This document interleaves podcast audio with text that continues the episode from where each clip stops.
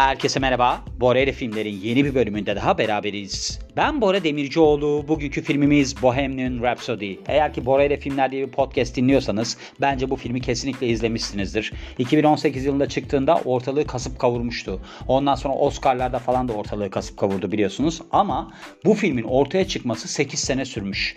Yani bundan haberiniz var mıydı bilmiyorum da. Burada okuyunca iyice netledim. Birazdan bahsedeceğim zaten her şeyden. Şimdi şöyle bu filmde aslında temelde iki tane yönetmen varmış. Benim en çok dikkatimi o çekti. Brian Singer ve Dexter Fletcher görünüyor. Yani yönetmenler olarak görünüyor. Genel olarak baktığımızda da IMDB puanı 7.9 10 üzerinden. Beyaz perde 5 üzerinden 4.3 vermiş. Film modu 10 üzerinden 8 vermiş. Google kullanıcılarının %92'si ise bu filmi beğenmiş ve gösterime girdiği tarih 24 Ekim 2018. Bu İngiltere'de gösterime girdiği tarih. Türkiye'deki yazmıyor. Gişe geliri 910.8 milyon dolar ki bütçesi 50 ile 55 milyon dolar arasında değişiyor. 50 ile 55 milyon dolar arasında yani 5 milyon dolarlık bir fark öyle bir geçiş olarak gösterilmiş ki bu para benim için şu anda hayatımın sonuna kadar yetebilecek bir para. Umarım oradaki miktarı kazanırım diyerek programımıza devam ediyoruz. Şimdi ben bu filmi izleyen kişilerden böyle garip garip yorumlar da duymuştum.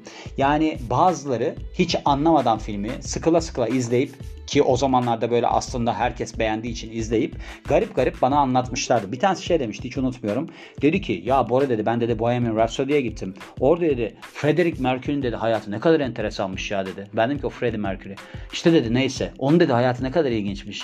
Yani daha adının ne olduğunu bilmiyor. Bana çok enteresan falan olduğundan bahsediyordu. Böyle de ilginç bir konu vardı yani. Aklımda kalan bir şeyi size aktarmak istedim.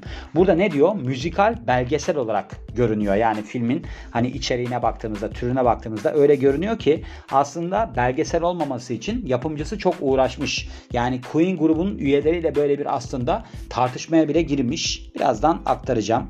Biliyorsunuz burada Rami Malek başrolde. Hatta Oscar aldı değil mi? Öyle hatırlıyorum. Oscar aldığını hatırlıyorum. En iyi oyuncu yani en iyi aktör kategorisinde Oscar aldığını hatırlıyorum.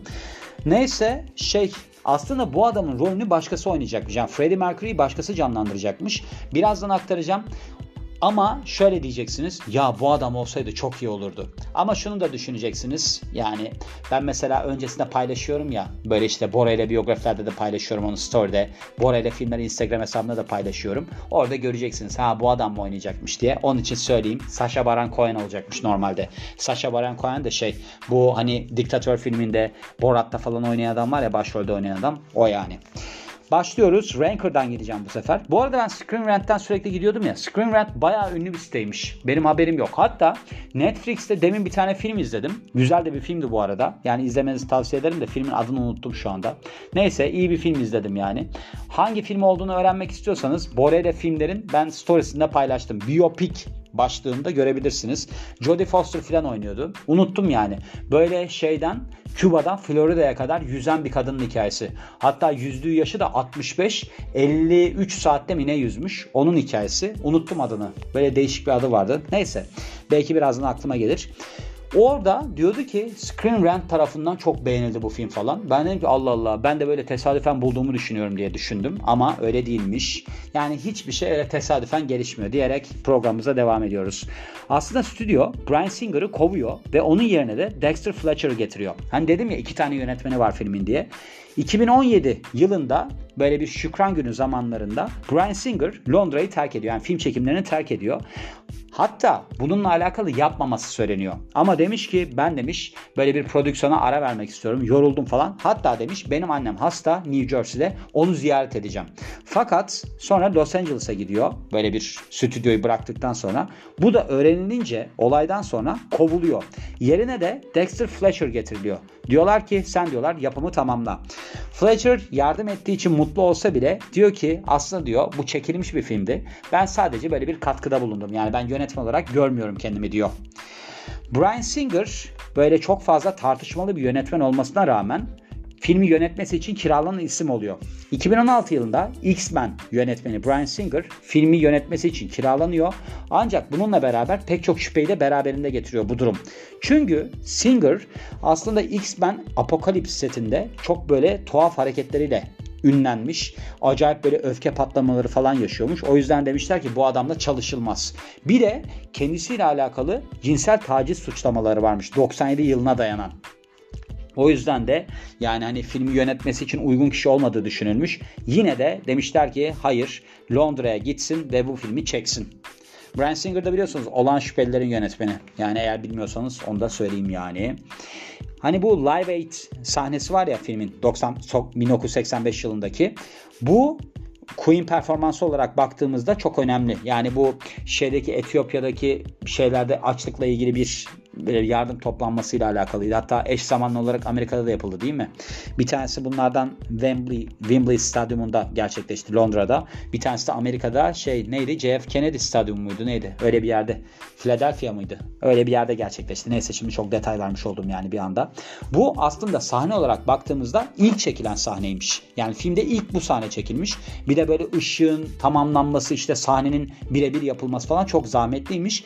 Bir de enteresan bir durum varmış. Burada aslında oyuncular ilk kez karşılaşmışlar ve sadece 3 gün prova yapıp bu sahneyi çekmişler. Burada işte bir sinematograf varmış Newton Thomas Siegel adında bir açıklamada bulunmuş. Demiş ki aslında demiş filmin en zor sahnesi ve en önemli anları ilk gün çekildi. Yani biz filme başladık ve bu sahneleri çektik. Bir de burada bir olay gelişti. Mesela oyuncu kadrosunun birleşmesi sağlandı. Yani böyle bir performans sırasında işte daha iyi bir bağlantı kuruldu falan. Bundan önce de aslında sadece 3 gün prova yapmışlardı. Demin de bahsettiğim gibi. İşte bu sahnenin çekilmesi demiş grubu kaynaştırdı. Yani Queen grubu olarak gördüğümüz kişileri kaynaştırdı. Rami Malek şeyde bu çekimler sırasında Freddie Mercury'nin hani böyle bir dişlek durumu var ya diş takmış böyle bir protez diş takmış hatta demiş ki ben demiş çok heyecanlıyım bu rolü oynayacağım için seçildiğinde Londra'ya gidiyorum masrafları kendim karşılayacağım ve işte Queen üyeleriyle Brian May ve Roger Taylor'la işte Mercury ile alakalı görüşleri üzerine konuşmuş, biyografileri okumuş. Mesela Borel'e biyografileri de dinleyebilirdi. Keşke onu da yapsaydı yani. Ama o zamanlarda yoktu. Haklı. Onun için yapamamıştır. Bir de eski konserleri ve de video klipleri izlemiş. Öyle bir zaman geçirmiş. Bu diş takma meselesiyle alakalı olarak da demiş ki filmde ben bu protez dişi o kadar çok taktım ki filmden sonra çıkarınca kendimi çıplak hissedeceğim. Rami Malek önceki trailerları yani böyle bir tanıtım videoları falan var ya onları savunmuş. Şöyle bir durum oluyor. Bohemian Rhapsody böyle bir halka açık hale gelince yani böyle bir hani biz böyle bir film çekiyoruz bilmem ne yapıyoruz diye konuşmalar şey yapınca gündeme çıkınca insanlardan tepki topluyor. Yani bir tane trailer yayınlanıyor ve çoğu kişi diyor ki siz diyor Freddie Mercury'nin cinsel kimliğiyle ya da AIDS meselesiyle ilgili savaşına hiç yer vermemişsiniz. Hatta diyorlar kadınlarla ilişkisini öne çıkarmışsınız. Yani siz bundan böyle bir utanç mı duydunuz falan diyorlar. Rami Malek de diyor ki siz diyor ilk önce filmle alakalı eleştiri yapmadan bir bakın yani. Hani biz onları koyduk tamam da öyle bir şey yok. Hani onunla alakalı bir şeyi biz saklamayacağız. Ne bileyim AIDS ile ilgili bir konuyu saklamayacağız. Bunlar sizin kafanızdan uydurduğunuz şeyler. Hatta öyle bir durum olmuş ki ondan sonraki trailer böyle bu konulara da eğilmiş. Yani AIDS olduğu işte eşcinsel kimliği falan onlardan da bahsetmiş. Mike Myers aslında bir cameo görünüşe sahipmiş bu filmde. Yani ben bu sahneyi izledim. Sonra hatta bunu okuduktan sonra bir de YouTube'da izledim. Bunlar hani bir tane şeye gidiyorlar. EMI Record'a mı ne gidiyorlar? Bu Bohemian Rhapsody şarkısını işte biz yaptık. Siz bunu yayınlamak ister misiniz falan diye. Adam da diyor ki bu şarkı diyor 6,5 dakika mı 7 dakika mı ne insanlar bunu niye dinlesinler? Garip bir melodisi var falan. Hatta Freddie Mercury de diyor ki siz diyor büyük bir fırsatı kaçırdınız falan. Oradaki kişi yani albüm yapımcısı olan kişi böyle sakallı falan birisi Mike Myers'mış. Hatta burada yer almasının sebebi de şuymuş. Bir tane Wayne'in Dünyası filminde sahne var. Bunlar böyle arabaya biniyorlar arkadaşlarıyla beraber ve kaset takıyor. Bohemian Rhapsody çalıyor. Bunlar şarkıya eşlik ediyorlar falan. Aslında Myers sebebiyle bu filme dahil edilmiş bu şarkı. Demişler ki ya bu film bu şarkı bu film için çok eski. Bunu koymayalım. Yani neredeyse 20 sene önceki bir şarkıyı koyuyorlar. Ancak yine de film yayınlandıktan sonra Bohemian Rhapsody Billboard listelerinde 2 numaraya yükseliyor. O yüzden de demişler ki bu adam çok destek oldu. Hani Queen'in parçasına biz burada bir cameo görünüş verelim kendisine. Sasha Baron, Baron Cohen ve de Peter Morgan Queen üyeleriyle tartıştıktan sonra filmden ayrılıyor. Şimdi aslında Queen üyeleriyle Sasha Baron Cohen ve de Peter Morgan sürekli tartışmışlar. Yani demişler ki mesela Cohen özellikle. Bu demişler kısıtlı böyle bir şey olsun. Yani ne derler hani herkesin gidebileceği bir film olmasın. Şu anda mesela film PG-13 ratinginde yani annesiyle beraber 13 yaşında bir çocuğun izleyebileceği bir halde.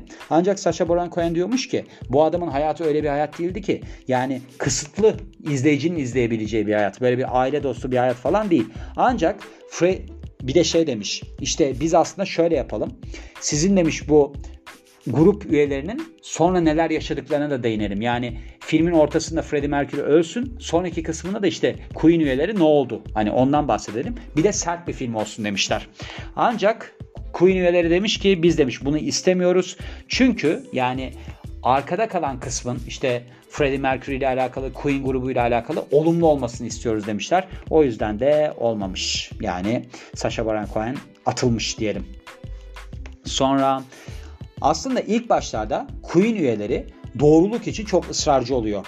Yani Graham King'in, yapımcı Graham King'in Freddie Mercury ile alakalı bir film çekmek hayali ve 2008 yılında da bu Queen'in yaşayan üyeleriyle bir araya geliyor.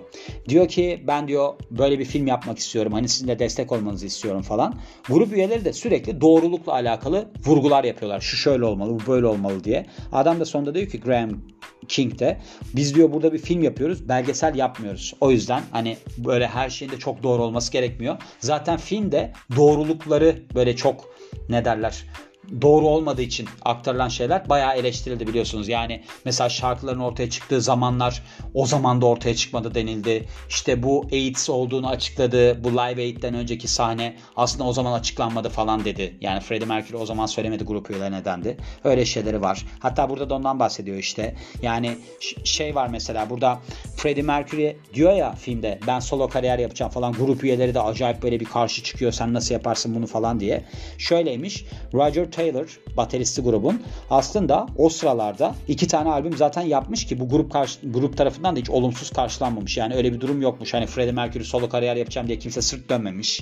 Bir de bu AIDS teşhisinin konulmasıyla alakalı da Live Aid konserinden önce hani söyledi deniliyor ya öyle değil diyorlar. Yani o iyice vurgu yapılsın diye harcandı denilmiş.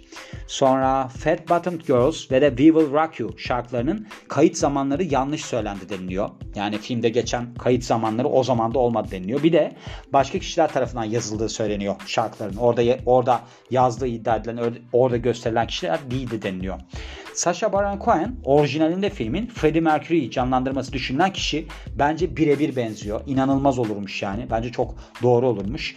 Ancak dediğim gibi yani burada çok fazla olaya dahil olmuş Sacha Baron Cohen ve demiş ki ben demiş hikayenin geliştirilmesine rol oynamak istiyorum. İşte bu demiş kısıtlı bir film olmalı. Çünkü Freddie Mercury'nin inanılmaz bir enerjisi vardı ve hayatında çok fazla sorun vardı. İşte burada aslında Stephen Fierce anlatmış. Vulture diye bir dergi bu galiba. İşte Cohen'in aslında dahil etmek istediği içerikleri görseydiniz ağzınız açık kalırdı demiş. Yani bunları hayatta koyamazdık demiş. Ancak doğru bence bu arada. Hatta Sacha Baron Cohen o kadar şey ki aktif rol oynuyor ki işte böyle bir ekibe kilit isimler almak istiyor. Mesela Peter Morgan'ı şeye getiriyor. Senaryo yazarı olarak getiriyor ekibe. Bu da Frost Nixon ve de The Queen senaryo yazarıymış. İngiliz senaryo yazarıymış. Hani senaryo geliştirsin diye bu adamı istiyor. Bir de mesela David Fincher gibi ya da Tom Hooper gibi yönetmenleri istiyor. Yani böyle daha ciddi karanlık bir tonu olsun diye filmin. Ancak Queen aslında temelinde bu adamı zaten reddediyor ya. Bu yönetmenler falan da reddediliyor. Bu arada David Fincher olabilirmiş. Ben öyle düşündüm yani. Brian Singer Rami Malek'le yani Freddie Mercury'yi canlandıran aktörle neredeyse fiziksel olarak kavga edecek noktaya gelmiş. Neden? Çünkü şöyle oluyor. Bu adam Brian Singer çok problemli bir adammış. Ben böyle bir adam olduğunu bilmiyordum. Mesela şeye gelmiyor, sete gelmiyor, sık sık gelmiyor, çekimlere gelmiyor. Hatta şöyle oluyor. Sinematograf, yani sinematograf dediği görüntü yönetmeni mi oluyor? Bilmiyorum bunun Türkçesi nedir yani. Sinematographer olarak geçiyor burada ama görüntü yönetmenidir. Öyle düşünüyorum. Bakayım. Evet görüntü yönetmeni. Görüntü yönetmeni Newton Thomas Siegel filmin bazı bölümlerini çekmiş. Yani yönetmen olmamasına rağmen görüntü yönetmeni çekmiş. Bu sebeple de Rami Malek'le sürekli olarak yönetmen tartışıyorlar. Hatta bir dedikodu varmış. Demişler ki bir tartışma sırasında yönetmen elektrik aletini üzerine fırlattı. Yani böyle bir cihazı bu şeyin oyuncunun üzerine fırlattı demişler. Yani The Hollywood Reporter böyle bir şey söylemiş. Sonra ardından başka bir şey var mı diye bakıyoruz. Başka bir şey. Filmin işte bu PG-13 yani annesi babasıyla beraber 13 yaşında çocukları izleyebileceği şekilde yayınlanması tepki toplamış. Çünkü demişler ki yani burada aslında baktığımızda çok sert bir hikaye var. Bunu nasıl çocuklar izleyebilecek hale getirebildiniz? Yani çünkü hani eşcinsel kimliği var. Acayip işte uyuşturucu sahneleri bilmem neler var. Yani bunları böyle bir o kadar yumuşak hale getirmeniz çok yanlış demişler. Sonrasında başka bir şey var mı diye bakıyoruz. Başka da bir şey yok. Gördüğünüz gibi böyle bir film yani. Bazı şeyler kolay olmuyor. Yani bazı şeylerin arasında mesela benim buradan direkt İngilizceden çevirip size aktarmam da kolay olmuyor. Ama yine de aktarmak istedim. Yani şu var. Mesela ben film çekeceğim. Yani nihai hedefim bu. Ve bu zorlukları görmek istiyorum. Hani nasıl oluyormuş, neler yaşanıyormuş falan. Bu yönetmenlerin de bu havalarına anlam veremiyorum. Mesela ülkemizde de bir yönetmenle alakalı bunları duydum ben. Yani söylemeyeceğim şimdi ismini ama öyle bir şeyler yapıyormuş. Ülkemizde de varmış öyle bir yönetmen yani. Sete gelmiyormuş, başkasını yolluyormuş, öğrencilerini falan görüntü yani görüntü yönetmen derken çekimlere yolluyormuş yönetmen olarak. Öyle şeyler çok duydum. Bilmiyorum. İnsanların biraz büyüdükçe küçülmeleri gerektiğine inanıyorum diyorum ve bu filmin de sonuna geliyorum. Beni dinlediğiniz için çok teşekkür ederim. Ben Bora Demircioğlu. Yeni bir filmde görüşmek üzere. Hoşçakalın.